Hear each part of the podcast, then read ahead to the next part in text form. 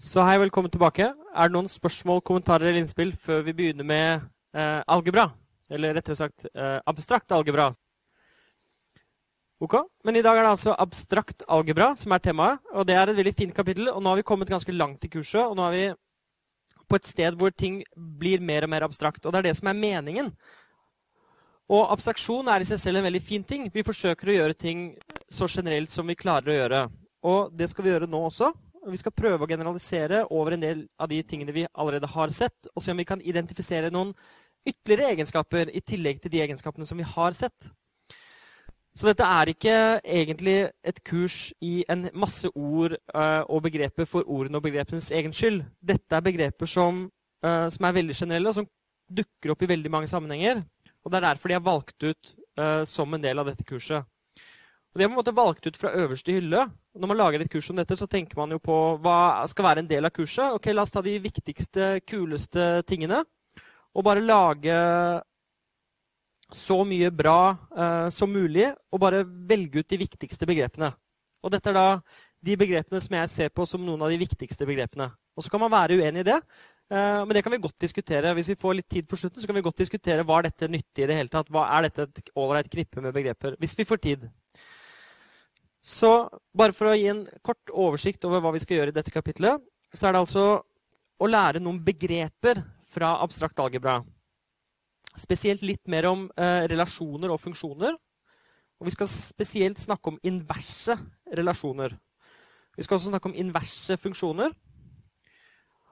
Og så skal vi se på noen av eh, operasjonene og se om vi kan identifisere noen ytterligere egenskaper ved dem. Og det er f.eks. kommutativ, assosiativ og idempotent. Det er egenskaper ved operasjoner. Og Det er viktig å vite. Det er ikke egenskaper ved hva som helst, eller ved hvilke som helst funksjoner. Det er egenskaper som operasjoner kan ha. Og det skal vi gjenta hva er, da. Og så skal vi også se på noen egenskaper som elementer kan ha. Og skal, dette er en liten øvelse i å um, holde styr på hva er det som er egenskaper ved hva. For noen elementer kan også ha bestemte egenskaper. Noen elementer kan være identitetselementer. Og noen elementer kan også være inverse. Så når vi bruker ordet inverse, så må vi være klar over hva vi snakker om. Vi skal ikke bare si ordet invers og så anta at man vet hva det gjelder. Vi skal være og opparbeide oss en bevissthet og være bevisste på at vi bruker disse ordene riktig. Så både funksjoner, relasjoner og elementer kan altså være inverse. Og det er det vi skal snakke litt om. Og til slutt skal vi se på hva en gruppe er. Og det er begynnelsen på eh, en helt ny verden som heter eh, gruppeteori, eller en helt ny teori, som vi ikke skal snakke noe mer om. Men jeg syns det er veldig synd å snakke om alle disse begrepene uten å snakke om begrepet gruppe i det hele tatt. Fordi det er, et, eh, det er et begrep som dukker opp i veldig mange sammenhenger. Og så tok det lang tid før jeg lærte det begrepet. Så det også, jeg forsøker å gjøre dere en tjeneste her og introdusere dere for et vakkert begrep så tidlig som mulig. Og igjen så er det bare å avbryte hvis dere lurer på noe underveis. Men nå begynner vi. Så dette handler altså om abstrakt algebra. Og algebra er en sentral del av matematikken. Det regnes som en av de viktigste delene i matematikk. Abstrakt algebra regnes som den delen av algebraen som handler om såkalte algebraiske strukturer. Det ordet dukker opp, eller Den frasen dukker opp igjen og igjen. Og Med det så mener vi egentlig bare en mengde sammen med en eller flere operasjoner på den mengden. Og Det er da det skjer spennende ting. Hvis vi tar en mengde og en operasjon på den mengden, så kan vi begynne å gjøre ting og undersøke hva slags um, skapning er det vi har å gjøre med nå. Når vi har denne mengden og denne operasjonen. Bare for å gjenta det en operasjon på en mengde det er en funksjon som går fra den mengden til den samme mengden. Ok? Så her har vi å gjøre med en, en form for tillukning. Fordi hvis du bruker en operasjon på noen elementer i en mengde, så skal du få et element som igjen er i den samme mengden. Hvis du går utenfor mengden, eller treffer noe annet, eller det er en funksjon fra en mengde til en annen mengde, så er det ikke snakk om en operasjon. En operasjon er noe som er i denne konteksten for denne mengden um, en funksjon fra den til den. Og Typiske typiske eksempler er naturlig tall og pluss. For Hvis du tar to tall og plusser sammen, så får du et nytt tall. Så det var oppi den mengden, det.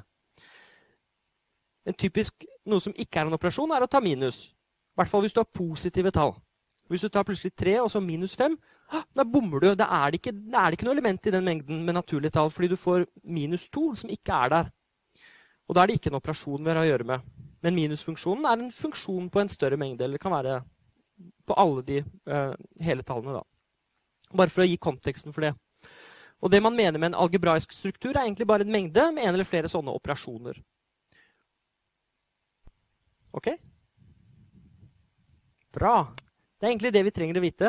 Men vi går opp et nivå i abstraksjon igjen. For når vi begynner å generalisere over dette, og begynner å snakke om algebraiske strukturer, så er det plutselig mer abstrakt enn å snakke bare om de naturlige tallene og pluss. Så vi prøver å generalisere og generalisere og generalisere eh, så mye vi klarer. Vi skal ikke gå helt til topps, men vi skal generalisere ganske mye nå. Og Det første vi skal snakke om og generalisere over, det er inverser. Vi skal snakke om inverse relasjoner og inverse funksjoner. Så La oss begynne med relasjoner først. Det er det enkleste. Så En relasjon er altså en mengde med tupler. Det har vi terpet på igjen og igjen. Vi kan se på og representere en relasjon som en um, tegning hvor vi har prikker med piler mellom. Men de pilene representerer egentlig bare tupler over en bestemt mengde. Vi kan alltid finne det, altså den motsatte relasjonen ved å bytte ut hvert tuppel xy med yx. Det vil si du lager en ny relasjon hvor du bare snur alle tuplene. Bam, så har du en ny relasjon. Eh, og dette er det samme som å snu pilene i en tegning, og resultatet kalles den inverse relasjon. Så dette er en abstrakt operasjon på relasjoner. Så merker dere abstraksjonsnivået nå? Hvis dere har en relasjon, så kan dere gjøre en operasjon på den. Det er å bare snu alle tuplene. Så får dere den inverse relasjonen i forhold til den dere hadde. Så vi kan definere det veldig presist. Hvis R er en relasjon fra A til B, da er den inverse relasjonen eh, til R denne relasjonen her. Det er altså mengden av de tupler YX, slik at XY-tuplet er med i R. Det er en relasjon fra B til A, og vi skriver R opphøyd i minus 1 for denne inversen. Så dette er så enkelt som at hvis du har en relasjon her, her er det en ener og en toer, og så er én relatert til én, og én er relatert til to. Og det den sier da, er at du skal snu alle pilene. Og da får du en ny relasjon, så jeg kan tegne inversen under her. Det er fremdeles én og to. Så hvis vi skal snu den pilen, så blir jo det en pil fra én til én. Selv om den ser litt annerledes ut her, så er den akkurat den samme. Eh, og så får vi en pil sånn. Og selvfølgelig så er jo dette tegninger som representerer noe. Og det det representerer da, er eh, tuple 1-1.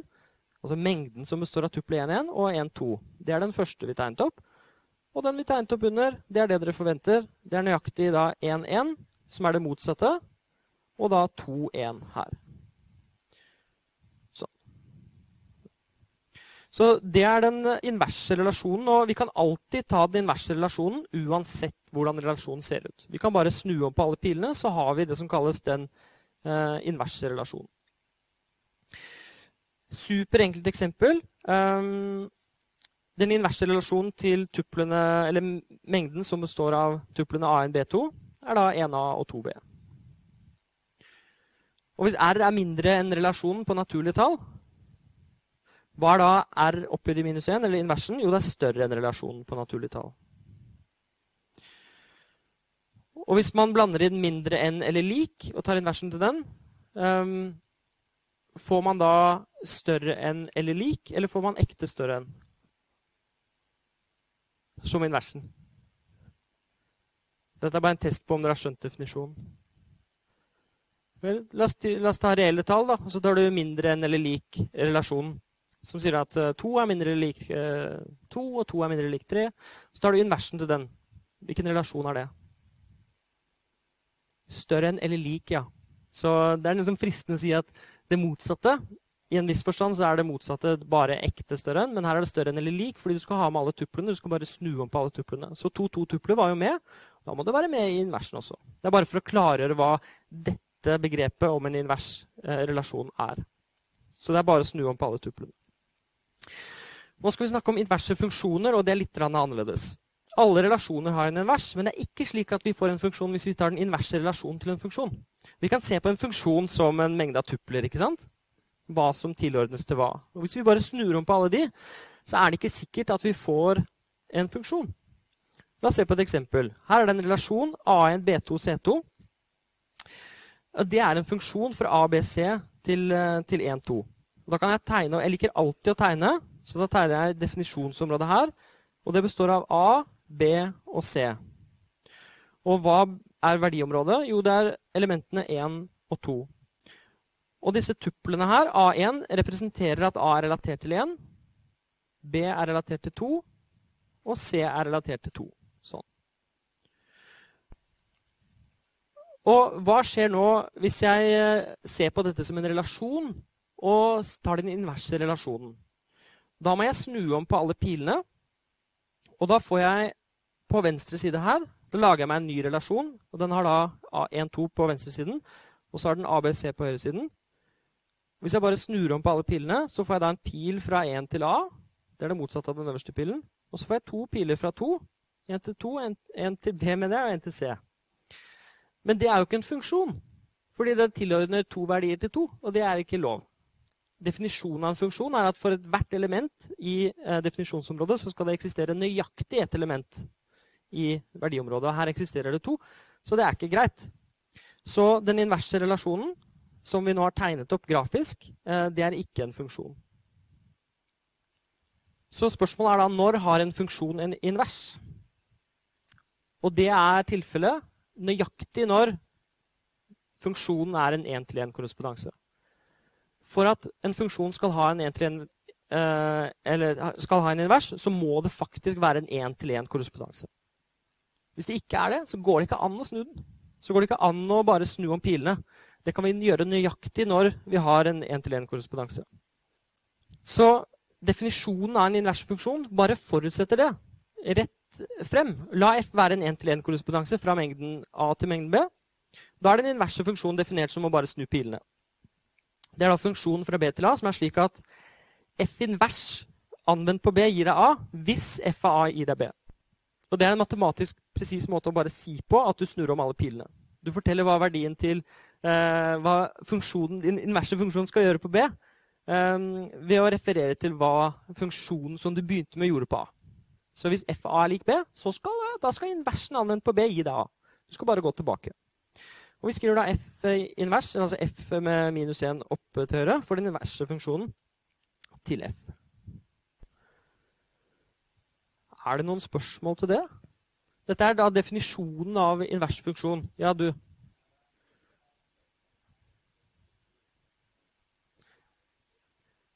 Nettopp. Så spørsmålet var til dere andre eh, Hva skjer med sånne funksjoner som dere har lært om fra før, som sinusfunksjonen, som tar eh, en av verdi inn, faktisk et reelt tall, eh, og som gir deg noe mellom pluss 1 og minus 1 ut. Så er det jo sånn at noen input kan gi deg samme output. Altså to argumenter kan gi deg samme verdi. Og det betyr at den sinusfunksjonen ikke er injektiv, og da brytes da betingelsen for at vi skal kunne anvende denne definisjonen og kalle noe for en invers funksjon til den.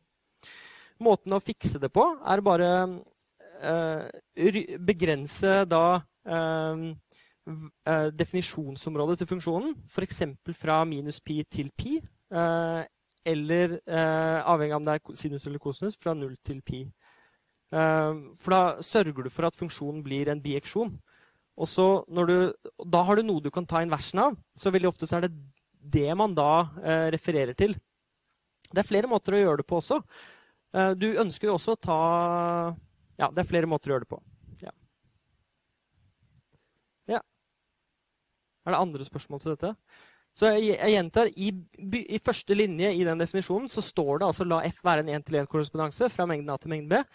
Det betyr at hvis du har en funksjon som som ikke er en én-til-én-korrespondanse, så er ikke inversen definert. Akkurat som du spurte nå. Hva med sinus, eller hva med en annen funksjon som ikke er en én-til-én-korrespondanse? Da er den ikke definert. Da må vi gjøre noe for å, for å fikse på det. La oss ta et superenkelt eksempel igjen.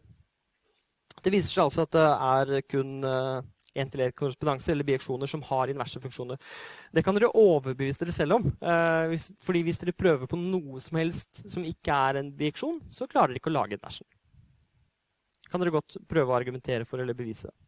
Men eh, altså, her er et eksempel. La f være funksjon fra 1, 2, 3 til ABC, slik at f av 1 er lik A, f av 2 er lik B, og f av 3 er lik C. Så det er tre tall i definisjonsområdet som blir sendt til tre bokstaver. Du kan godt tenke på funksjonen som uh, svaret på spørsmålet hva er den første bokstaven? Jo, det er A. Hva er den andre bokstaven? Jo, det er B. Hva er den tredje? Jo, det er C. Har denne funksjonen en invers? Ja, dette er en bieksjon. Det er en av de enkleste bieksjonene. Um, og den inverse funksjonen er bare at f invers av a er lik 1, nemlig det motsatte av det som står her oppe. f invers av b er lik 2, og f invers av c er lik 3. Det var enkelteksempel. La oss ta et uh, annet eksempel. La f være funksjon fra heltall til heltall, sånn at f av x er lik x pluss 1. Så nå er f en funksjon som plusser med 1. Uh, eh, for det første Ja, har denne funksjonen en invers? Lurer jeg på. Noen nikker. Det er et godt tegn. Hvorfor har den en invers? Vel, nå har vi akkurat sagt at det er kun én-til-én-korrespondanser som har inverser. Så da er spørsmålet er denne en én-til-én-korrespondanse. Ja, det er det faktisk. Fordi den, den, den lager en korrespondanse mellom alle tall, sånn at hvert tall er koblet til det neste tallet. Og sånn fortsetter det. Og Det er et veldig fint bilde av det. Eh, og det er jo en tallinje med punkter på. Så la oss si at null er her. Og så er, er liksom minus på den venstre siden og pluss på den høyre siden. Så dette er 1, 2, 3, 4, 5 osv. Dette er minus 1, minus 2. Og da ser jeg på denne Hvis vi skal bruke denne tegne piler, um, så er jo da denne pluss 1-funksjonen faktisk også en relasjon med en pil fra 0 til 1, fra 1 til 2, fra 2 til 3, fra 3 til 4. Så sånn her ser, eh, ser, den funksjonen ut. Og når jeg tenker på pluss 1-funksjonen, så dukker det bildet der opp i hodet mitt av en eller annen grunn. Så dette er en visuell representasjon av pluss 1-funksjonen. Ja. Og hva er da inversen til den? Vel, um, den inversen, hva er det? Det er f-invers, det er sånn vi skriver det, men hva skal den funksjonen gjøre? Ok, hva er f invers av 5? Eh, Var det minus 5, sa du? Men det er det ikke. Det er 4. Så da må vi se, faktisk se på definisjonen. Det var flere som sa 4, da. Uh, definisjonen sier at f Og det er definisjonen vi skal bruke. Den sier at f invers 1, altså f invers, mener jeg, av b er lik a hvis f av a er lik b. Det er det definisjonen sier. Og nå lurer jeg da på hva f invers av 5 er. Hva er det? Vel, da ser vi at B eh, er jo da eh, satt inn der, og jeg finner igjen den samme B-en her. Og det jeg faktisk må gjøre da, det er jo å spørre hva er det jeg kan sette inn her, sånn at jeg får fem der. Svaret på det, det er jo den A-en som er der, og det er da det som skal stå her. Så hva er det jeg kan sette inn i f-en for å få 5? Og f er jo definert som pluss 1-funksjonen. Nå tror jeg dere, de fleste av dere er med på det, at det må være, det må være 4 som settes inn der. Så f invers av 5 det er lik 4. Og dette er den systematiske måten å gjøre det på hvis man faktisk skal begrunne hvorfor f invers av 5 er lik 4. Det er fordi f av 4 er lik 5. Og Det svarer også da her nede til å bare snu alle pilene. Så f invers-funksjonen blir da den hvor alle pilene går motsatt vei. Ok, Så det er det. Er det noen spørsmål til det? Det er en, enda et eksempel på da invers-funksjoner. Ja? Jo, eh, nettopp. Jeg, jeg, ble jo ikke helt ferdig. Eh, f, slik at f av f invers av y er lik y minus 1. Det er en annen måte å uttrykke den på, eller det er den måten å uttrykke det på. Så det er funksjonen som trekker fra en. Det er helt riktig. Jeg, jeg trodde jeg var ferdig, men det var jeg ikke. Jeg glemte å se på tavla. Eh, så du har en funksjon som plusser med en, og inversen til funksjonen det er funksjonen som trekker fra en. Og det er som å gå opp og ned denne trappen. fordi det å gå pluss 1, det er å gå hit. Og pluss 1, det er å gå hit. Det å ta inversen av det, det er å gå tilbake. Da anvender jeg minus 1-funksjon for å komme ned. Så hvis jeg anvender pluss 1-funksjon fire ganger, så kommer jeg dit. Så anvender jeg f invers-funksjonen for å komme helt tilbake ned igjen. Gjør det. Pluss 1, pluss 1, pluss 1, pluss 1. Da har jeg gått fire ganger opp. Og så må jeg da gå faktisk baklengs ned på akkurat samme måte som om jeg spiller videoen baklengs. Hvis jeg hadde snudd meg og gått ned, så hadde det blitt noe annet. Ja, hvorfor det, sier du? Eh, det kan du gruble på. det er bare for å gjøre det nøyaktig inverst. Altså, fordi Ja, sånn er det. Vi kommer, det. vi kommer, til det, mot slutten. Hvis vi rekker å komme gjennom alle, så kommer det litt om Rubiks kube på slutten. Det er sånn krydder. Der er det masse inverser. Ok, Men da er vi ferdig med inversene. I hvert fall, Vi er ferdig med inversene av relasjonene og funksjonene. Og da skal vi, vi skal komme tilbake til inverse elementer litt senere. Men før vi gjør det, så er vi nødt til å snakke om Um, vi må ikke, men vi skal snakke om um, noen egenskaper ved operasjoner. Ok, Bare for å gjenta, på samme måte som vi kan studere egenskapene til tall. Det gjør vi jo veldig ofte. Hva er en typisk egenskap til et tall? Deler på to. Ja. Det er partall. Og så kan vi undersøke egenskapene ved mengder. Hva er en typisk egenskap ved mengder?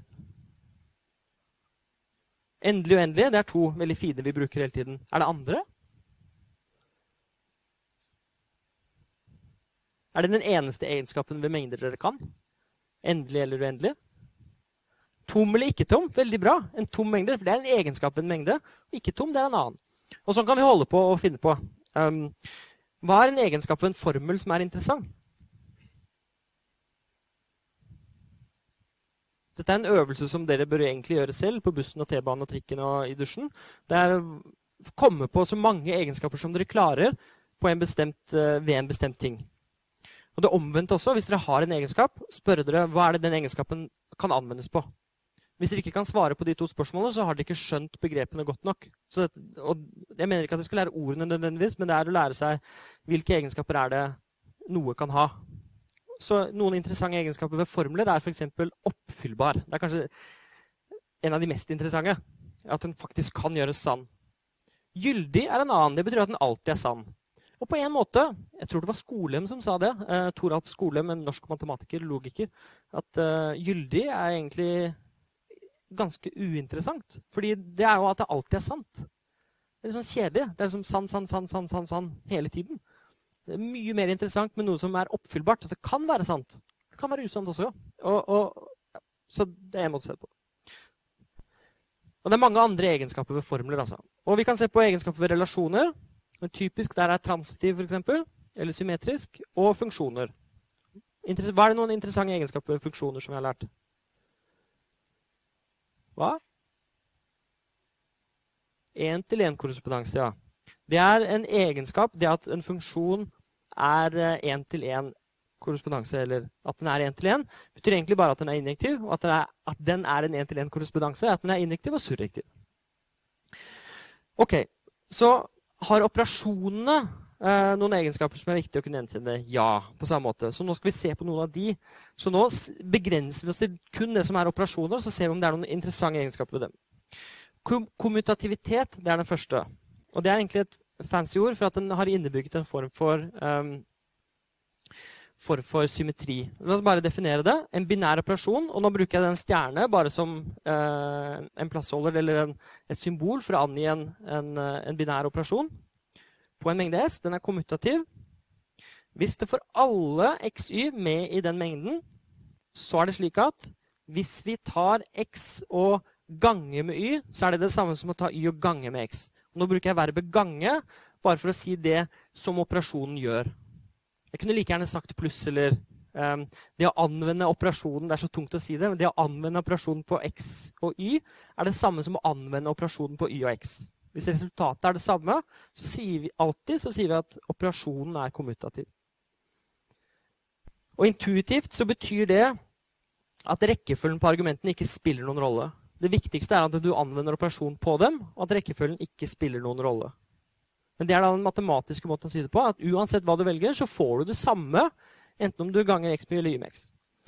Hvis jeg skal putte mynter i en automat, så er rekkefølgen vanligvis uviktig. Fordi automaten vil ha penger. Den vil ha en femmer og en tier. Den vil ha 15 kroner. Og da er det ikke noe viktig om jeg putter på femmeren først eller tieren først. Noen automater er veldig rare, og de krever at du putter på i bestemt rekkefølge. Men normalt så er det ikke sånn. Det er, rekkefølgen spiller ingen rolle. Så la oss se på et superenkelt eksempel. Har dere noen eksempler på kommutative operasjoner? Ja, la oss begynne med den aller, aller, aller enkleste. Det er pluss på, eh, på tall. Så operasjon pluss og addisjon, og faktisk multiplikasjon, de er vanligvis kommutative. Når jeg sier vanligvis, så kan man også definere de til å ikke være det. At faktisk rekkefølgen eh, har noe å si. Men da er det ikke naturlige tall, reelle tall, hele tall og vanlige pluss man snakker om. Da er det mer spesielle eh, greier. Kanskje det er noe annet du skal plusse sammen.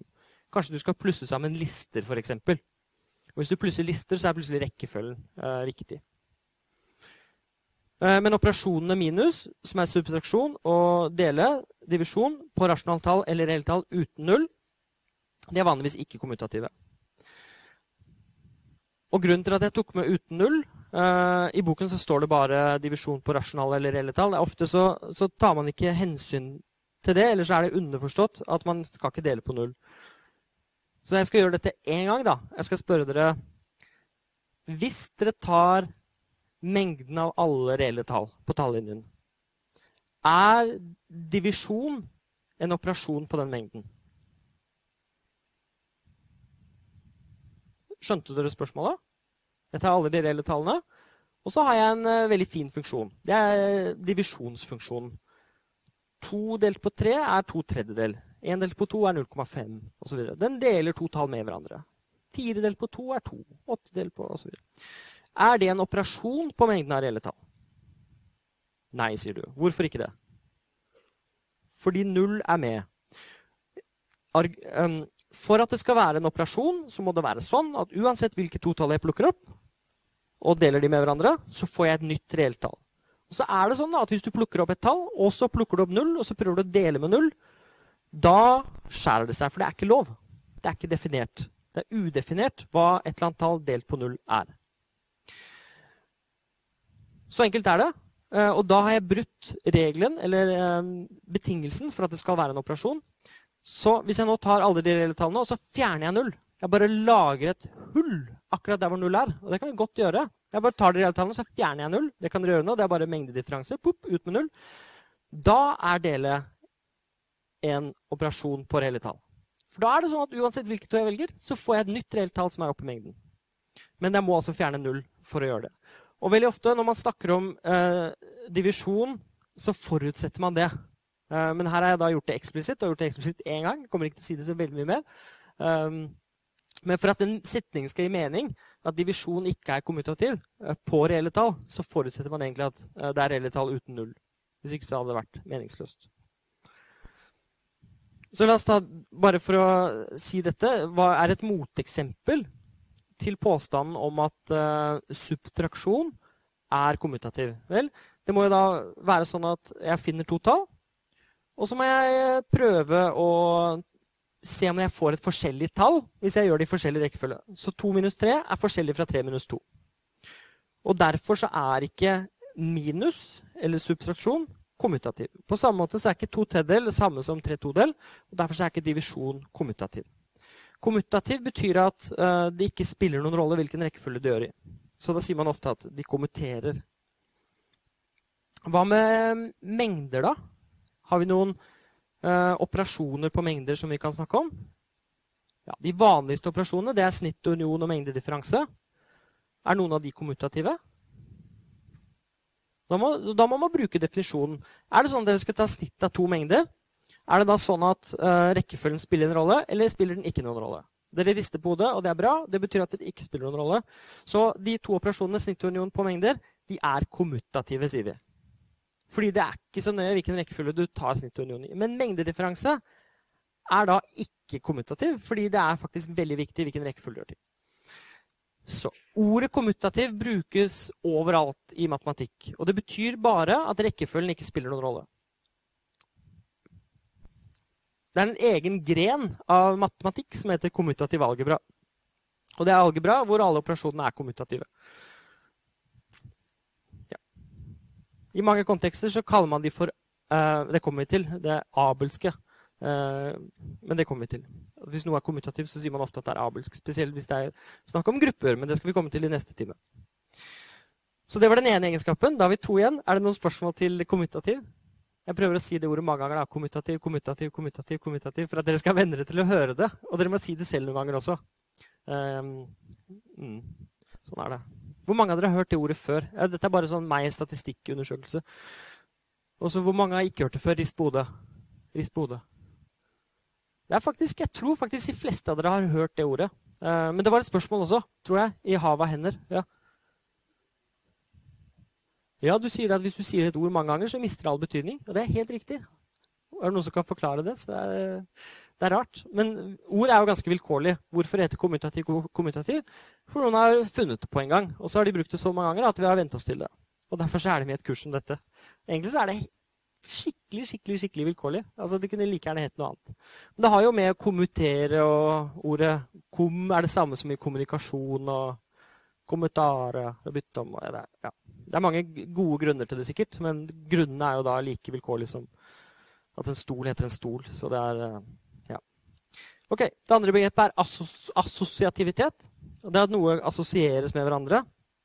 Og igjen så er det definisjonen den er universell, og den sier en binær operasjon som vi bare angir med stjerne, på en mengde er assosiativ. Hvis det for alle x, y og z, uansett hva vi velger, 3, så er det sånn at hvor du setter parentesen, ikke spiller noen rolle. Så x ganget med y ganger z skal være det samme som x ganger y ganger z. Så rekkefølgen du gjør de, spiller altså ingen rolle. Fordi hvis du skal gange sammen, eller bruke en eh, operasjon på tre elementer, og operasjonen bare tar to, så må du ta to og to. Du må begynne med enten XY, eh, eh, sånn som til høyre for likestående, eller så må du begynne med YZ. For du kan ikke bare putte alle tre oppi. Og hvis det spiller en rolle hvilken rekkefølge du gjør det, så er det ikke assosiativt. Så at en operasjon er da assosiativ, betyr intuitivt at parentessettingen ikke er viktig. Så la oss se på, bare løpe gjennom alt det vi kan. Uh, vi kjenner allerede mange assosiative operasjoner. Pluss og gange er jo det. Fordi 2 pluss 3 pluss 4 det er jo 2 pluss 3 pluss 4 uansett hvilken rekkefølge det er. Om du plusser 2 pluss 3 først eller 3 pluss 4 først, så spiller det ingen rolle. Men igjen så er det da minus å, dele, subtraksjon og divisjon. På rasjonal, og divisjon da på rasjonale eller reelle tall uten null igjen, som ikke er det. Så da må vi se om vi klarer å finne et moteksempel til det til påstanden om at de faktisk er assosiative. Og da prøver vi oss med det enkleste vi klarer. 1, 2 og 3. Så skal vi prøve å ta minus med dem. Og da tar vi da 1 minus 2 minus 3, som er én måte å gjøre det på. Vi tar 2 minus 3 først, og så ser vi hva det blir. Eller vi kan ta 1 minus 2 først, og så ser vi hva det blir. Nå er påstanden min at de der ikke skal være like. Men da må vi faktisk regne det ut. Og 1 minus 2 minus 3, hva er det for noe rart? Jo, da skal du ta 1 minus 2 minus 3. Og hva er 2 minus 3? 2 minus 3 er minus 1. Og da får du da 1 minus minus 1, og det blir lik 2. Dette er igjen veldig abstrakt, men, men det er det du får da, hvis du, må, hvis du tar med negative tall. Og litt enklere den andre her. Hvis du tar 1 minus 2, så får du jo minus 1. Og hvis du trekker fra 2 til, så får du, er 3 til, så får du minus 4. Og de to og minus 4 er forskjellige, og derfor er vi ferdige. Og det samme trikset kan vi gjøre med deling. Vi kan ta én del på to delt på tre. Og vi kan ta én del på to delt på tre, og se hva vi får. Og én del på to delt på tre, det er tre todel. Nå skal ikke lære dere å dele, det må dere nesten gjøre selv. Det, men én del på to delt på 3 er en sjettedel. Og det er som å si at du har en halv kake som du deler på tre stykker, og da blir det en sjettedels kake på hver. Og det er ikke det samme som å gjøre det i motsatt rekkefølge. Så, så minus og dele er alltid veldig følsom for rekkefølgen. Og det, og det å si da at de ikke er assosiative, er en presis måte å gjøre det på, som er vanlig. Og vi har det samme med mengder. da, og Snitt og union på mengder er assosiative. for det spiller ikke en rolle. Skal du snitte tre mengder, så skal du snitte dem. Um, og man kan da bevise at uh, disse operasjonene på mengder er assosiative. Og det samme union. Men mengdedifferanse er da ikke det. Er det noen spørsmål til det? Jeg tror dette er ganske enkelt. Så, så vi kan si oss ferdig med den, eller? Ja. Fint. Og Da kommer vi til den tredje egenskapen, og det er kanskje den mest interessante. Um, og den siste egenskapen heter idempotens. Og det er et fremmedord uh, for en, en, et fenomen. Og det fenomenet er uh, hvorvidt det har noen effekt å anvende operasjon mer enn én en gang. Så Og en operasjon kan være unær eller binær. Og vi er nødt til å definere det for hver av de. Så la oss bare gjøre det, og så kommer motivasjonen etterpå. En unær operasjon, F, på en mengde S, er idempotent. Og så skal vi komme med betingelsen. Men en unær operasjon tar da ett argument og skal gi dere et annet argument. Den er idempotent, sier vi, hvis det for alle x med i s er slik at hvis du anvender f to ganger på x, så er det det samme som å anvende f én gang på x. Og den enkleste eksempelet på det det er jo en funksjon, en funksjon, som alltid gir det samme svaret. La oss si du lager en funksjon, da, og funksjonen gir verdien eh, 3 eh, uansett hva du putter inn. Ok? Så f av noe det blir jo da 3, men f av, eh, f av noe, som blir f av 3, blir også 3 uansett. Det er den kjedeligste formen for idempotent funksjon, men det er, det, er det, da. Eh, og så må vi også ta binær eh, operasjon på, eh, på tilsvarende måte. Så en binær operasjon sier vi også er idempotent. Men hva betyr det at det ikke fordi da er det ikke å gjenta funksjonen, men da er det en litt, annet, eh, litt annen forstand. Det er at um, x ganger med x faktisk blir lik x. Så hvis du putter to x-er oppe, så får du bare x ut. Det skjer liksom ikke noe med dem. Så det, det har ikke noe funksjon. Uh, den gjør ingenting med x. Det er riktig metafor der. Så begrepet om idempotens Altså ordet er ikke så viktig, men begrepet er veldig viktig. fordi det at noe er idempotent, betyr at det ikke har noen effekt å gjøre noe mer en gang. Og så kan dere tenke selv f.eks. på en aktiveringsknapp. La oss si dere skal gå over fotgjengerfeltet. da. Så står det der, og så trykker dere én gang. Eh, trykker, trykker, trykker, trykker, trykker fire-fem ganger. Beskjeden er allerede sendt. Eh, det ikke, har ikke noen funksjon å gjøre det mer enn én en gang. Så, og, og, da er på en måte den operasjonen å trykke på knappen det er en idempotent operasjon. Um, et annet eksempel er jo absolutt verdifunksjonen. Kanskje mer uh, sånn voksent eksempel på reelle tall. Bare for å definere den, da. Jeg har ikke gjort det før, men jeg kan godt gjøre det. Absoluttverdien til x. Det skal være x selv hvis x er større eller lik null. Så hvis du putter inn et, uh, et tall, tre, så får du tre ut fordi det er større eller lik null. Men for de negative tallene så skal du bare ta den negative verdien. Så du skal gjøre alt positivt. Og det er en måte å definere det på. Og den er idempotent fordi hvis du tar absoluttverdien til noe, så får du den positive utgaven av det. Uh, og gjør du det en gang til, så skjer det absolutt ingenting. Så absoluttverdien er en idempotent operasjon. Og så skal vi ta de andre eksemplene som vi alltid tar. Og det er de vi allerede kjenner til. Så la oss ta mengdelære. På mengder så har vi de to vanligste operasjonene. Det er snitt og union. Um, er de idempotente eller ikke? Snitt, f.eks. Ok, Da må vi huske definisjonen. Uh, igjen alltid, Vi må alltid sjekke definisjonen. Så at en binær operasjon er idempotent, i dette tilfellet så betyr det at x snittet med x skal være lik x. Er den idempotent ifølge den definisjonen? Ja, fordi det å ta en mengde og snitte den med seg selv gir deg den samme mengden. Så idempotent for binære operasjoner betyr at det har, det har ingen effekt å sette noe sammen med seg selv. Og hva med union? X union eh, X, blir det lik X, eller er det noe annet?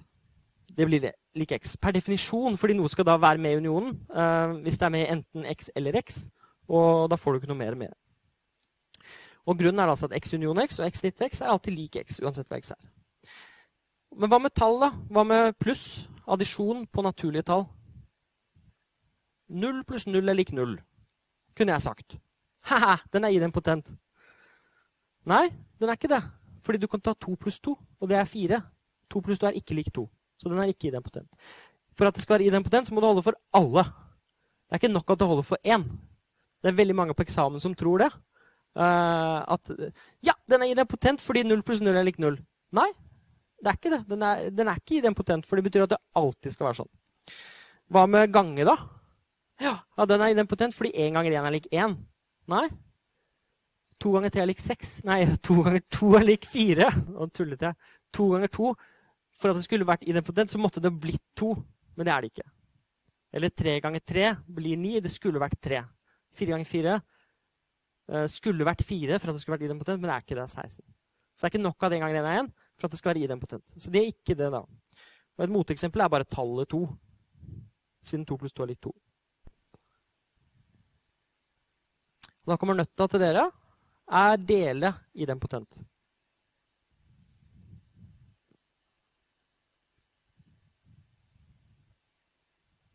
Noen rister på hodet. Ok, Så hvorfor er den ikke idempotent? Du kan dele på null. Det er det første svaret. Så det er ikke engang en operasjon.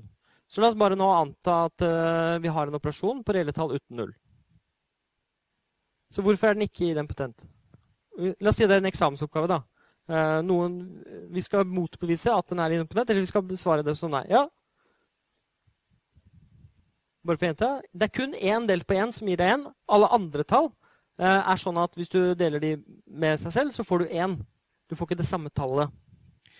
Eh, og Det er nok med ett eneste moteksempel for å vise at en uh, operasjon ikke har en universell egenskap. Det er å finne ett eksempel, f.eks. fire. Fire delt på fire er lik én er et moteksempel. Ergo er ikke den funksjonen idempotent. Det er en perfekt måte å besvare sånne spørsmål på. Så man trenger ikke å si uh, det første der, at én delt på én er lik én. Ja, det er det, men det har verken noe for, å si fra eller til for å argumentere for at den er idempotent. Det har faktisk ingenting å si. Det er sånn ekstra informasjon. Eh, så det man skal si, er at eh, den er ikke det, og her er et moteksempel. Men da er vi ferdig med de viktigste egenskapene med operasjoner. Så det var kommutativ, hvor rekkefølgen ikke spiller noen rolle. Assosiativ, hvor parentessettingen ikke spiller noen rolle. Og idempotens, det at det ikke spiller noen rolle om vi gjør det på nytt og på nytt. og på nytt. Eller om vi da, i dette tilfellet med binære operasjoner, det ikke har noen effekt å kombinere noe med seg selv. Og, og, dette er et nyttig begrep. Det dukker opp uh, flere ganger. Og det er en måte å gjøre matematisk presist og abstrakt på. Det at det ikke har noen effekt å gjøre noe flere ganger.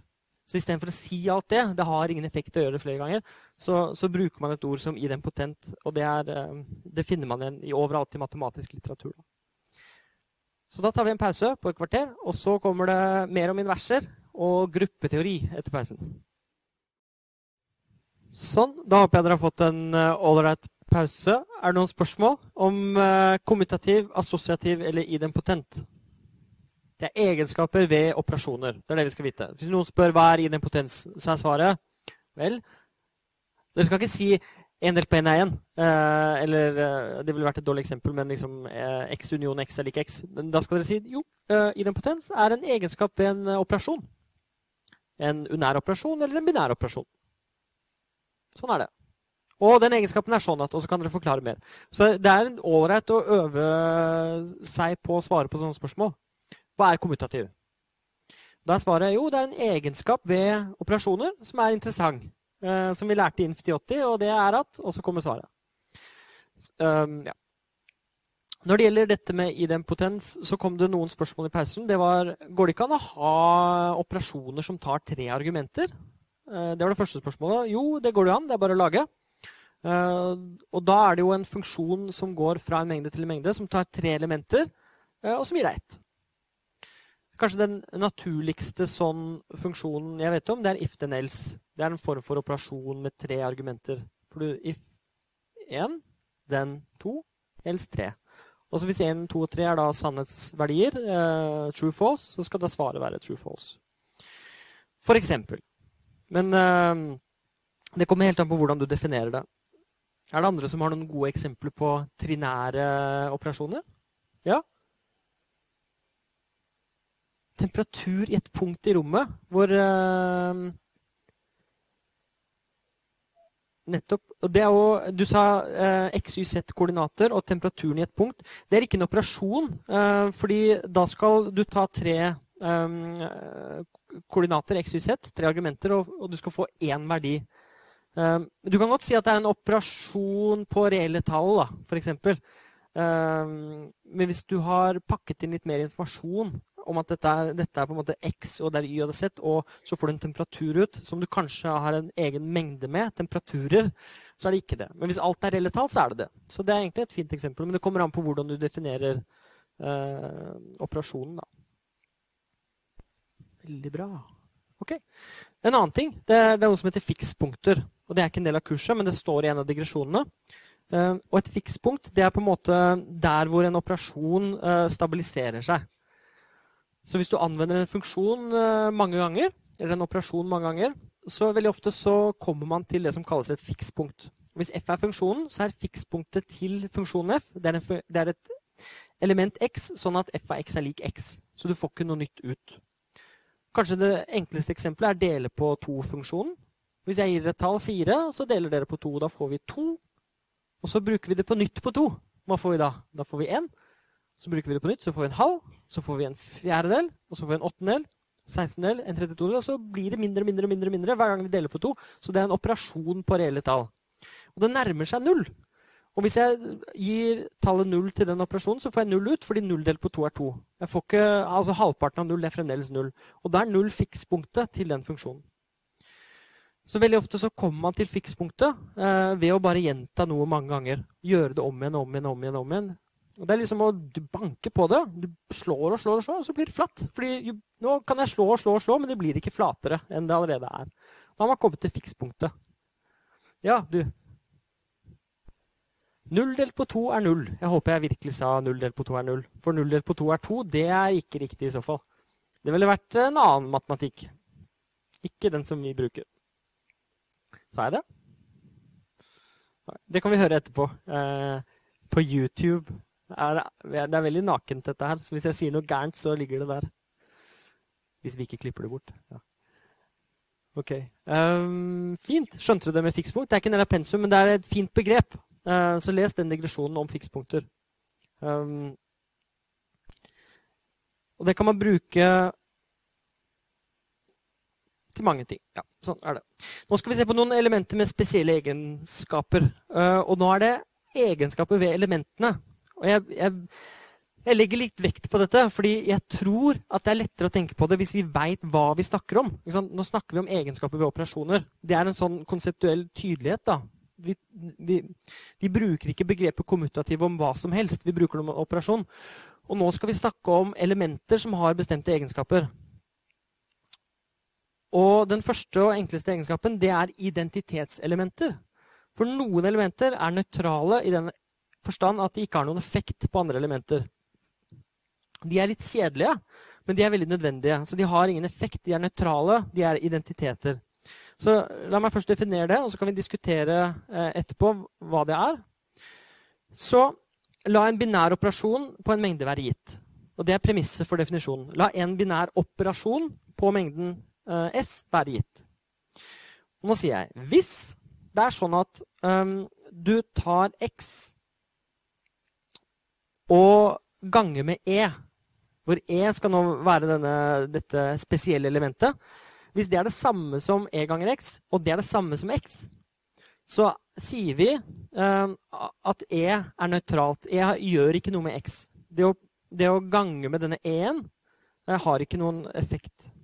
Hvis dette er sant, hvis denne ligningen her, eller alle disse ligningene holder, uansett hva du velger for X i S, så sier vi at E er eh, ett identitetselement. Eller et nøytralt element. Men vi sier ikke bare at det er ett nøytralt element eller et identitetselement. Vi sier at det er for og den operasjonen. Og det er superviktig. For det er ikke bare et identitetselement sånn globalt sett. Det er et identitetselement for den operasjonen vi jobber med. Så når noen snakker om identitetselementer, så er det alltid for en operasjon. Ok? Det er veldig viktig å være klar over. Så er det, Lurer dere på noe i, den definisjonen, eller er den tydelig nok? Nå skal jeg gi eksempler på den. Men det er greit hvis vi kan, av, hvis vi kan rydde opp i eventuelle uklarheter, så gjør vi det med en gang. Men jeg tror den er ganske grei. Uh, hvis x ganget med e er lik e ganget med x er lik x Så det vil si at uh, du ganger med og så skjer det ingenting. Og uansett hvilken rekkefølge du gjør, så skjer det ingenting.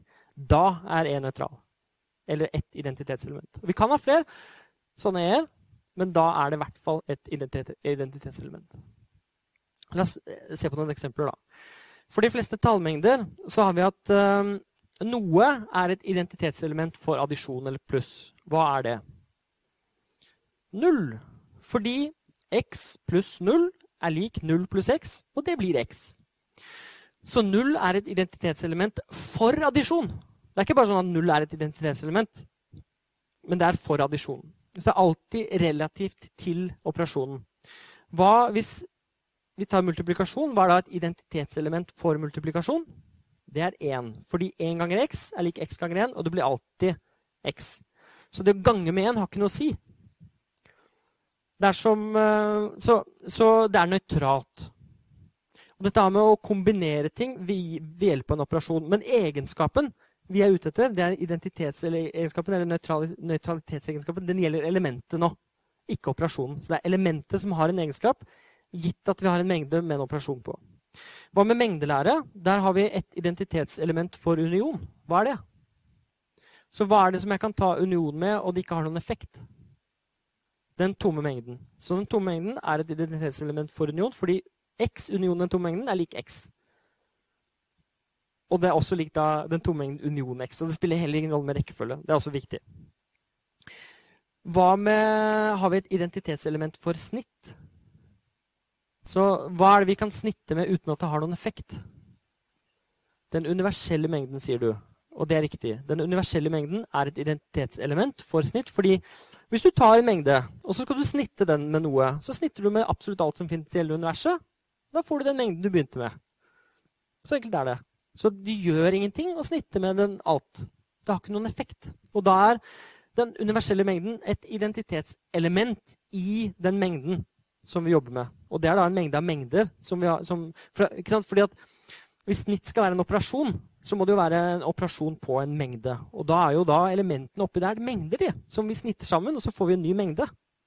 Bare vær klar over det. at Det er, det er derfor dette er et, også et sånn det, det, å se på snitt som en operasjon, det er også en sånn abstrakt ting. For vi er nødt til å ha en mengde med mengder for å få det til å funke. Og så må det, det å snitte to av disse mengdene må gi oss en ny mengde. Og den universelle mengden er jo en mengde oppi her, og hvis vi snitter med den, så har det ingen effekt. Og så har vi også sett litt på sånne formelle språk. Dette hadde vi induktivt definerte mengder. Eh, og vi hadde en operasjon som var det å konkatenere. Og det å konkatenere to strenger, det er å da ta A og B eh, konkatenert med eh, f.eks. BBA. Da får jeg da AB, BBA. Og her har vi en Der er det en operasjon på strenger.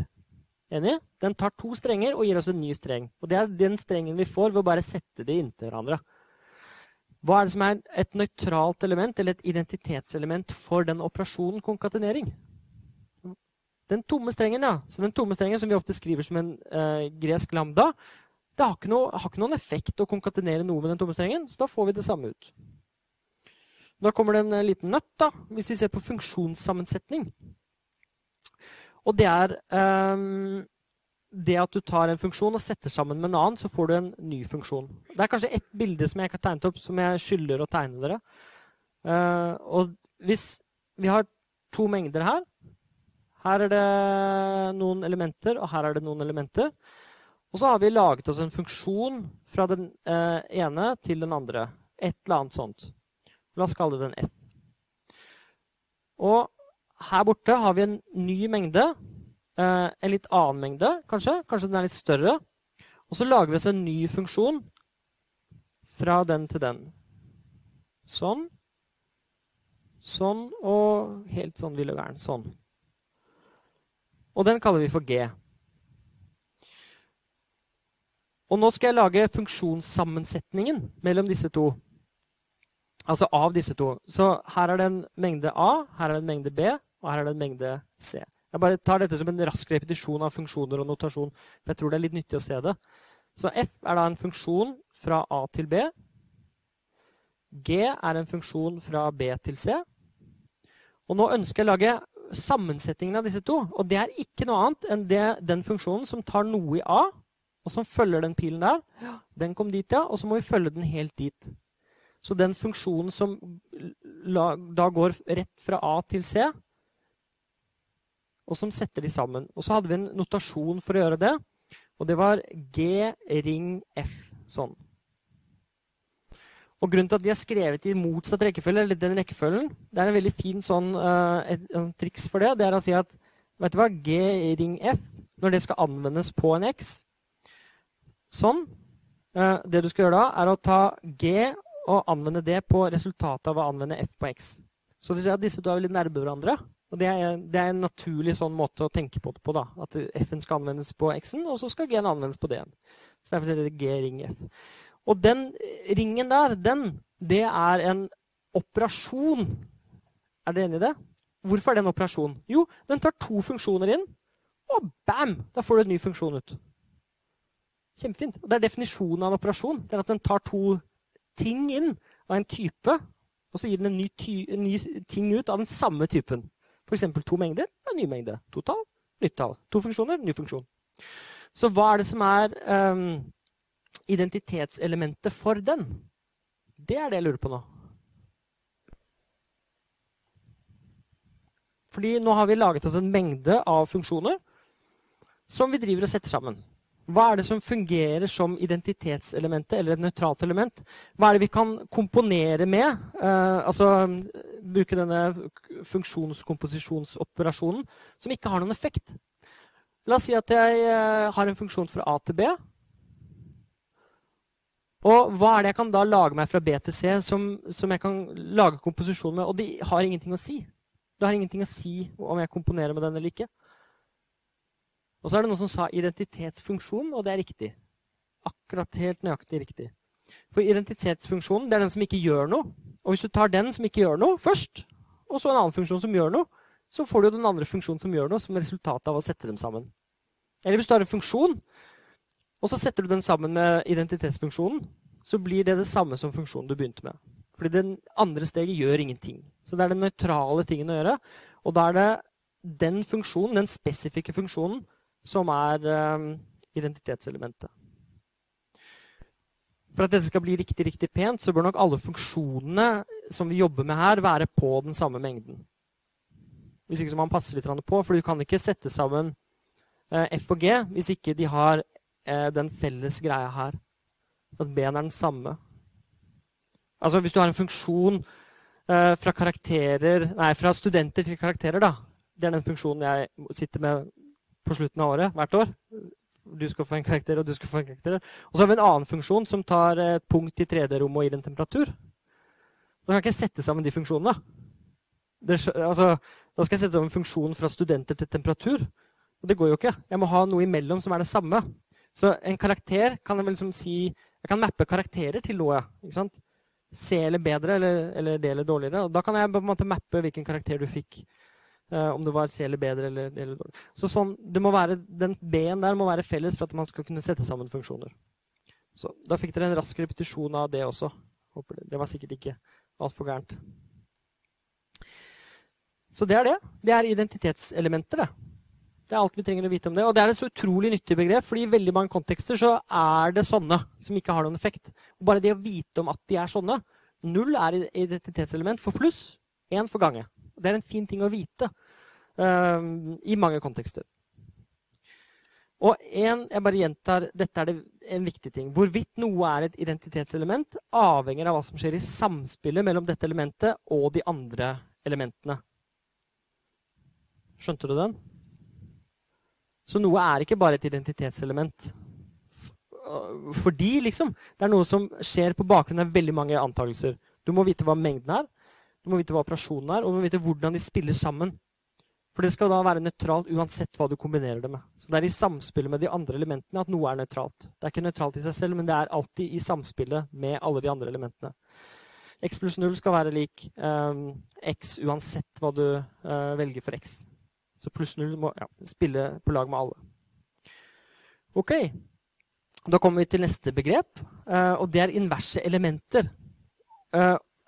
Så det hender også at noen elementer i en mengde nøytraliserer hverandre. Og det betyr at elementer også kan ha inverser. Og det enkleste eksempelet er jo bare 2 og minus 2. Hvis du kombinerer dem, poff, så får du null. Er dere ikke enig i det? Og hvis du tar en halv eh, her, og så to her, og ganger dem sammen, så får du én. Og poff, det er ingenting. I konteksten av gange så er én ingenting. Så er én nøytralt. Så de to elementer kan altså nøytralisere hverandre. Uh, og da har de inverser. Um, så la oss definere nå inverse elementer. Igjen la en binær operasjon på en mengde være gitt. Og så, det er det viktige, anta at E er et identitetselement. Så, og det er viktig fordi den brukes i definisjonen av et inverse element. Så nå plukker vi et sånt element. Og nå sier vi at hvis du tar og ganger A med noe det er altså Den som står her, er det som defineres nå. Bare sånn at det er tydelig. Eller hvis du gjør det om en rekkefølge, og du får E, så er A og A invers inverse til hverandre. Og de er inversene til hverandre. De er inverse elementer og inversene til hverandre. I denne definisjonen så skjer det et par ting samtidig. For jeg kunne gjerne, like gjerne skrevet uh, A ganget med B er lik B ganget med A er lik E. Og da vil jeg ha sagt her at da er A og B inverse, uh, inverser til hverandre, hvis den egenskapen holder. Men vi har denne notasjonen, uh, minus 1-notasjonen også for elementer. Vi hadde den for relasjoner, inversen til en relasjon. Vi hadde den for funksjoner, inversen til en funksjon. Men nå bruker vi den også for elementer. Og da er det det motsatte elementet. Og jeg har alltid pluss og gange i bakhodet. Fordi det å være invers med pluss, det er det som gir deg null. Det jeg mener med det er at Hvis du tar et element til 3, og så lurer du på hva er inversen til 3 Og For å svare på det så må du ha en operasjon i bakhodet. La oss si at operasjonen er pluss. da. Så du har 3, og så har du pluss. Hva er inversen til 3? Minus 3. Hvorfor det? Jo, fordi når de kombineres med pluss, så får du 0. Ok, Så la oss ta et annet eksempel. La oss ta 5 og gange. Dette er en lek. 5 og gange. Hva er inversen til 5? En femtedel. Hvorfor det? En, fordi en femtedel ganger 5 er lik 1, og 1 er et identitetselement for gange. Så er alt avhengig av um, den operasjonen du har valgt.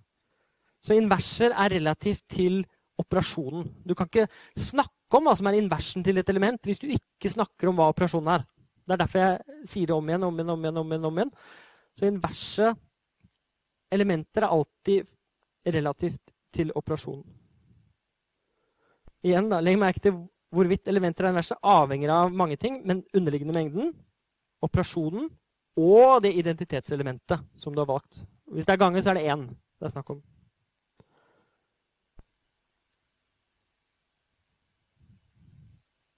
Ok, La oss ta noen eksempler. For det er ikke alltid sånn at elementer har inverser. La oss nå se på naturlige tall og addisjon. Kan noen gi meg et eksempel på uh, et par uh, inverse elementer? Det er en nøtt og en sjekk om dere er våkne. Det er ingen som har det. Nei, og det er ikke så lett det å lage det. Fordi nå har jeg plutselig ikke negative tall med lenger. Det er det som er greia med naturlige tall. De begynner på null. 0, 1, 2, 3, 4, 5, 6, 7. Er det og hva er et identitetselement for addisjon? Det er null. Så er det ingenting jeg kan plusse med hverandre sånn at det blir null. Null pluss null. Det er riktig. Det er kun faktisk null som har en invers. Og det er null selv, fordi null pluss null er lik null. Så hvis du har addisjon og naturlige tall, så er det kun ett element som har en invers. Og dette er ofte veldig viktig, om det er uh, inverser for alle elementer eller ikke. Men noen ganger så ønsker du det. Og det er kult å ha inverser til ting. liksom. Fordi du ønsker å kunne svare på hva er det motsatte av én. Jeg veit ikke. Jeg har ikke, noe, har ikke noe invers. Så ofte så ønsker vi å ha inversene der. La oss ta et nytt eksempel. Naturlig tall og multiplikasjon. Igjen så har vi ikke med negative tall, og vi er ikke med brøktall. Så er det noen tall som har inverser her? Okay, for å svare på det så må vi vite hva identitetselementet er, og det er 1. Er det noe som ganget med noe gir 1? Det er kun 1. Det er kun 1 som har en invers, og det er 1 selv. For eksempel 2 har ikke noen invers i de naturlige tallene.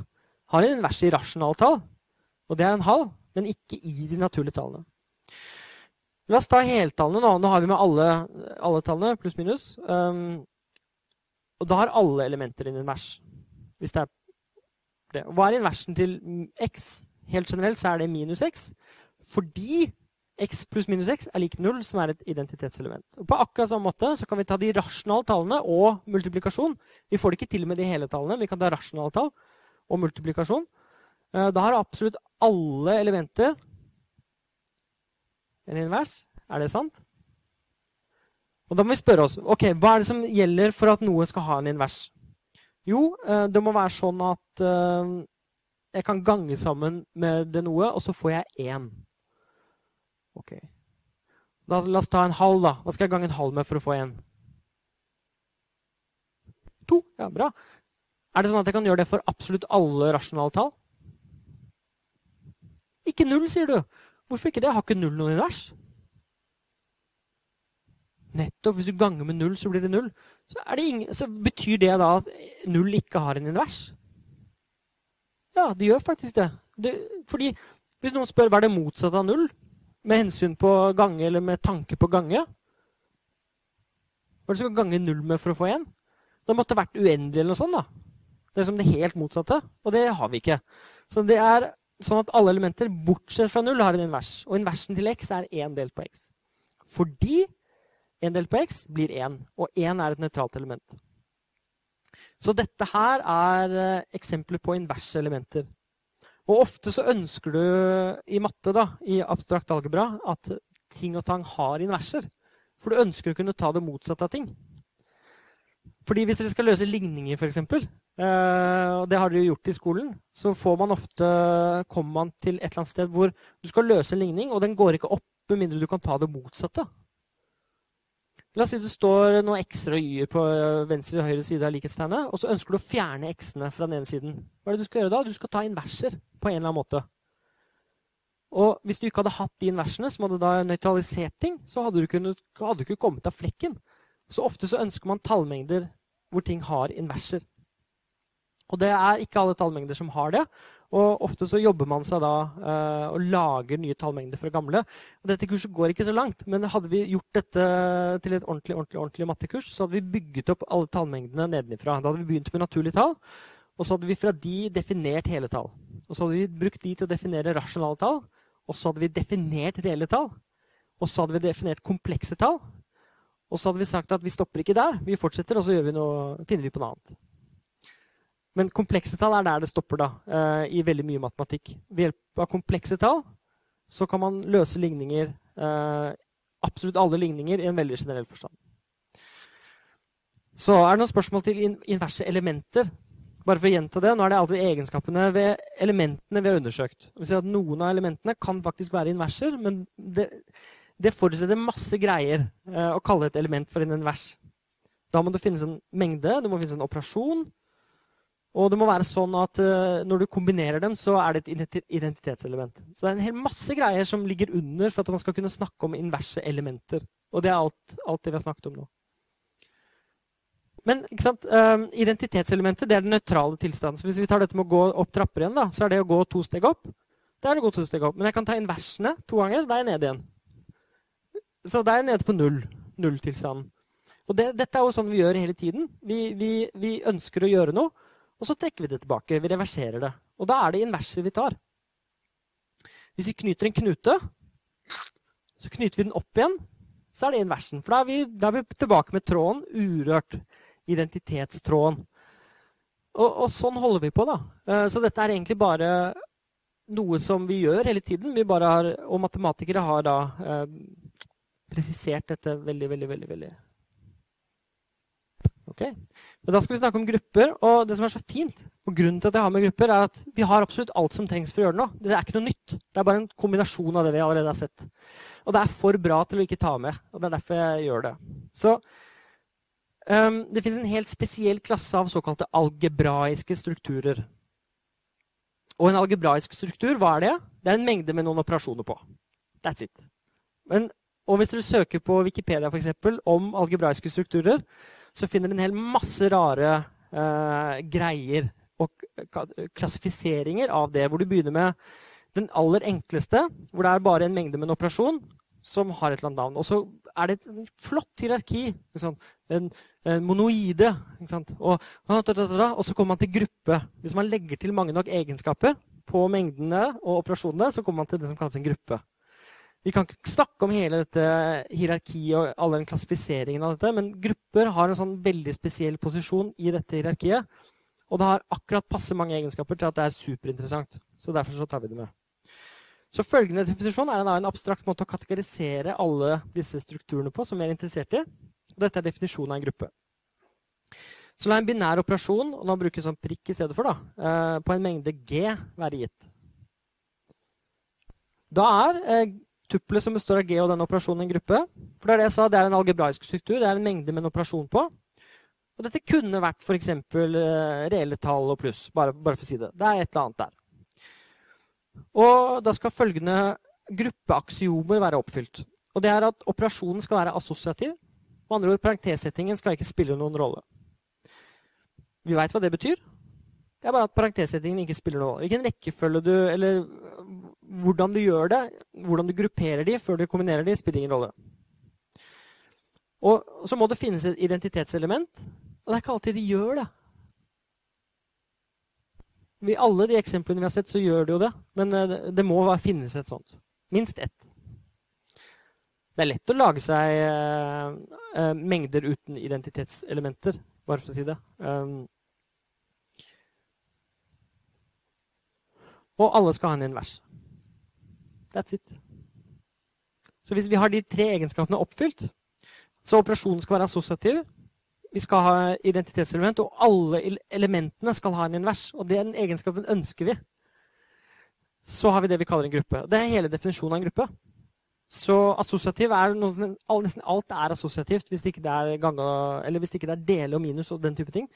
Um, og så skal vi ha identitetselement og en invers. Og så er det sånn at hvis i tillegg har den er kommutativ, så kalles gruppen for abelsk. Så abelske grupper er bare grupper som er kommutative.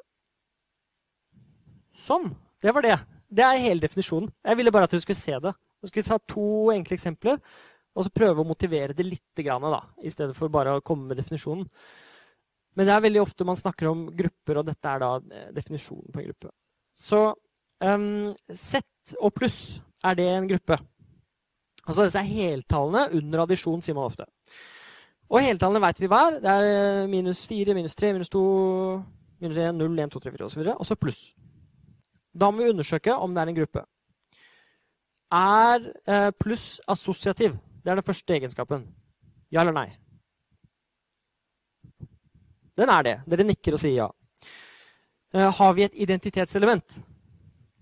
Og hva er det? Det er null. Fordi det har ikke noen effekt å plusse med null. Og så nå har vi et identitetselement. Det er fint, for da kan vi svare på det neste spørsmålet. Er det sånn at alle elementer har en invers? Ja, fordi hvis jeg gir dere tre, da gir dere meg minus tre. Hvis jeg gir dere fire, så gir dere meg minus fire. Og hvis jeg gir dere minus ni, så gir dere meg ni. Fordi hvis vi plusser dem sammen, så får vi null. Og that's it. Så det er en gruppe fordi den er assosiativ, fordi vi har et identitetselement, og fordi eh, alle elementene har en invers. Og det er minus x er den abelsk. Abelsk betyr at operasjonen er kommutativ, og kommutativ betyr at x pluss y er lik y pluss x. Er det sånn at pluss er kommutativ? Ja, ergo er dette en abelsk gruppe.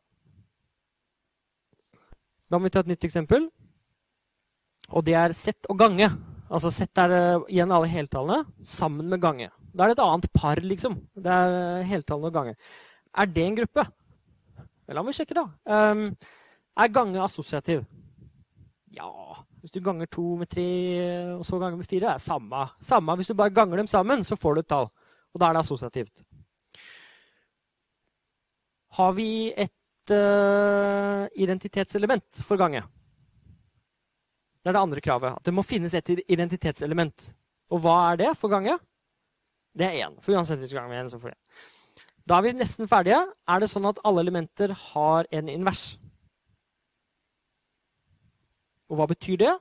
Da må vi for alle elementer vi velger, finne et annet element som er sånn at hvis de ganger sammen, for det er gangen vi snakker om, så får vi én. Hvis jeg velger tre, så sier dere en tredjedel, men vi har ikke en tredjedel. For de jobber nå bare med sett. Så med andre ord så har vi ikke alle elementer i en univers, og dette er da eksempel på noe som ikke er en gruppe. Fordi ikke alle elementer har en univers. Og jeg har lyst til å si mye om grupper, men det er jo ikke så mye tid til å gjøre det. Uh, og heller ikke nok uh, Altså, det skal ikke være en del av kurset. Men grupper anvendes både i informatikk og fysikk uh, som verktøy for å representere og analysere forskjellige former for symmetrier. og studiet av symmetrier, det abstrakte studiet av symmetrier, der bruker man gruppeteori massevis. Um, hvis vi legger til flere operasjoner og aksiomer, så får vi andre interessante algebraiske strukturer, f.eks. ringer, kropper og vektorrom. Det er grupper, dette er, det er grupper, men hvor du har noen krav i tillegg. Og kanskje noen operasjoner i tillegg. Og i gruppeteori så studerer vi egenskapene til grupper og tilhørende strukturer.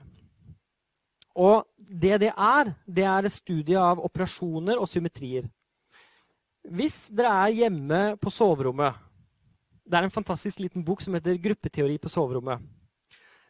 Eh, og hvis dere skal snu madrassen på soverommet, så kan dere ta madrassen og så, hvis dere bare liksom står på kortenden av sengen, og så ser dere hele sengen foran dere, og dere har bestemt dere for å snu den, så kan dere snu den sånn her. Altså, det vil si langs den lange aksen. Skjønner du det? Så. Men, men, en annen måte å snu den på, eh, det er jo bare å dytte den opp etter veggen, og så la den bare dette mot deg. Hele greia. Pladask. Det er en annen måte å snu den på. Dette er to operasjoner på madrasser. En tredje operasjon på en madrass det er jo bare å, å, å, å, snu den Den ligger flat. Mens den ligger flat, så tar vi og snur den 180 grader bare. Hvis vi snur 90 grader, så finner vi den kan ikke ligge på tvers. så må vi snu den 180 grader til. Og da har vi en tredje måte, en tredje operasjon på madrasser.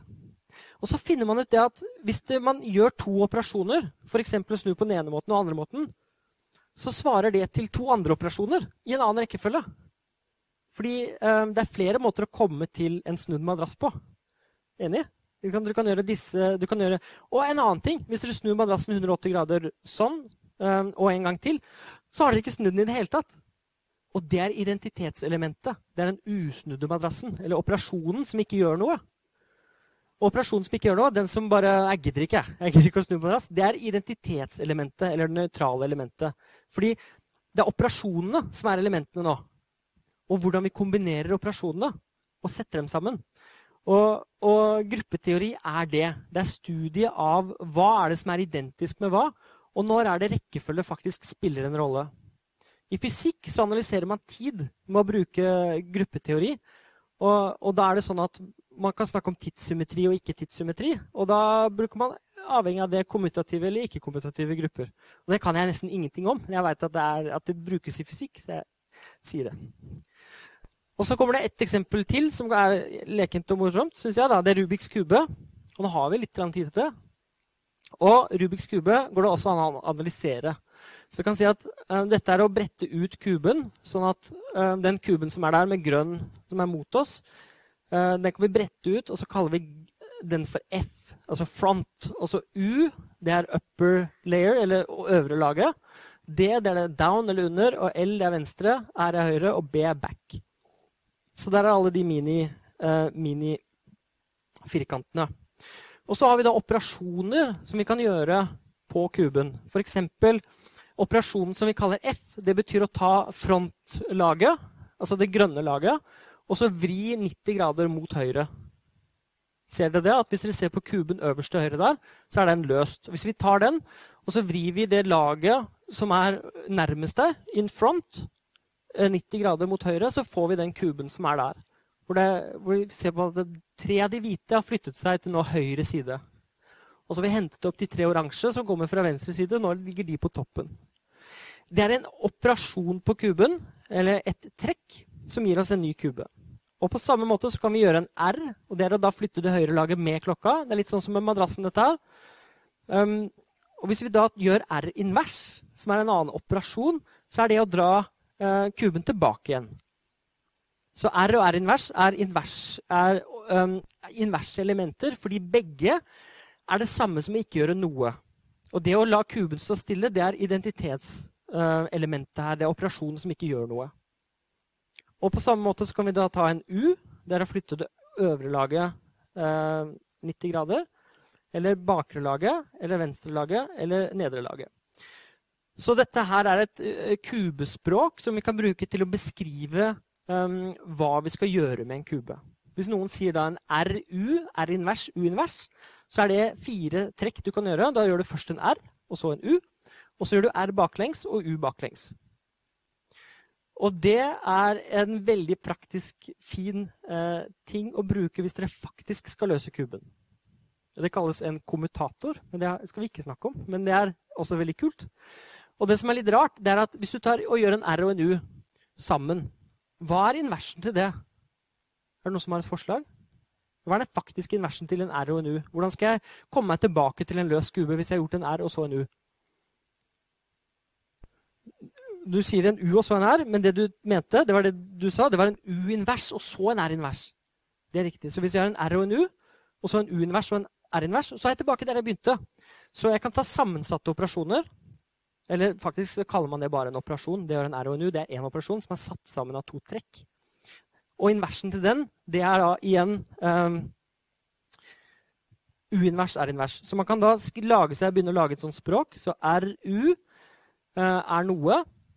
Og da inversen til det, til RU, det er da U-invers, R-invers. Sånn. Det er fint. Jeg syns dette er kjempefint. Uh, og, men hvis man gjør en veldig rar ting, som er å gjøre RU, og så gjør man motsatt rekkefølge, R-invers, U-invers, så er det en veldig spesiell ting. Um, og hvis man tar og det kalles en kommentator, men det skal vi ikke snakke om. Jeg prøver å la være å snakke om det, men det er litt vanskelig som dere hører. Um, hvis man tar alle, alle, alle, sammen operasjonene, samler sammen i en svær mengde, så får man det som kalles kubegruppen. Og man kan bruke gruppeteori til å analysere uh, hvor mange kombinasjoner en Rubiks kube kan være i. Og du kan bruke gruppeteori til å løse kuben og til å regne ut hvordan kuben kan løses. Så det er en litt sånn rar eller um, morsom anvendelse av gruppeteori. Men uh, jeg syns at Rubiks kube er en veldig fin måte å forklare gruppeteori på. Fordi ved hjelp av Rubiks kube kan jeg forklare gruppeteori til en sjuendeklassing. Og det er så fint. Jeg kan, si, jeg kan, snakke om inverser og jeg kan snakke om nøytrale ting. Og alt sånt. Og så er kuben et lite mysterium. fordi hvis vi regner på det, så kan vi regne ut at det er um, antallet forskjellige tilstander en kube kan være i, er 43 milliarder milliarder. Jeg tuller ikke. Hvis dere løser 1000 kuber i sekundet, så bruker dere hele universets levetid til nå til å løse, gå gjennom alle kubene. Det er så mange kuber at hvis dere bare, hvis dere bare gjør litt med kuben, sånn, tut, tut, tut, så er det garantert en tilstand som aldri har eksistert i universet noensinne. Så spesielt er det. Det, det, er sant, Bare ved å vri litt på kuben, så får dere det som er så spesielt. Og så har man regnet ut, og det gjorde man ganske nylig, at det kreves kun 20 trekk for å løse enhver Rubiks kube. 20 sånne, Og da er det ikke kvarttrekk man mener, men kanskje eh, 180 grader rundt. Og 180 grader. Det er liksom ett trekk, da, ikke kvarttrekk. Så det er en viss metrikk eh, for å måle antallet trekk. Og det er half-turn-metrikken som det er 20 trekk i. Noen har kalt dette for Guds tall. Og man har jobbet seg ned siden 80-tallet med forskjellige tall. Man trodde det var liksom 30, og så var det 25. Og så brukte man Googles datamaskiner og bare hardregnet på det veldig, veldig nøye. Og fant ut at 20 er faktisk både en øvre og nedre grense for antallet, det minste antallet trekk som trengs for å løse enhver kube. Og siden dere er såpass nå sofistikerte, så kan vi snu dette på hodet. Og det betyr inversen til dette det er at hvis du begynner med en løs kube, sånn som den øverste øret der, og ved å vri 20 ganger så kan du komme til alle disse 43 milliarder milliarder tilstandene. Det er inversen av det. For hvis du begynner med løs kubbe, så betyr dette at uansett uh, um, hvilken tilstand du ønsker å komme til på 20 trekk, så kan du komme dit på uh, ja, kun 20 trekk. Men det fins også tilstander, og den heter superflip. Som er sånn at uh, Det er rart, det heter superflip. Som krever 20 trekk. Så man har også da bevist at det er noen sånne sprø tilstander som du må bruke 20 trekk for å løse. Eller for å komme til. Yay, da rakk vi å snakke litt om Rubiks kube. Er det noen spørsmål om det? Spørsmålet er hvor fort jeg løser den. Nå skal jeg ikke si fortere enn deg, men, for det vet jeg ikke. Men jeg, i, jeg, har ligget i snitt på sånn 40 sekunder. Så det er noe som passer, da. Men øh, noen øh, det, ble, det har blitt satt norgesrekord her i dette auditoriet. Og da løser man det på under ti i snitt. Altså, Da er man nede i seks-syv sekunder. Ja, men da ses vi på torsdag. Da er det grafteori. Det er moro.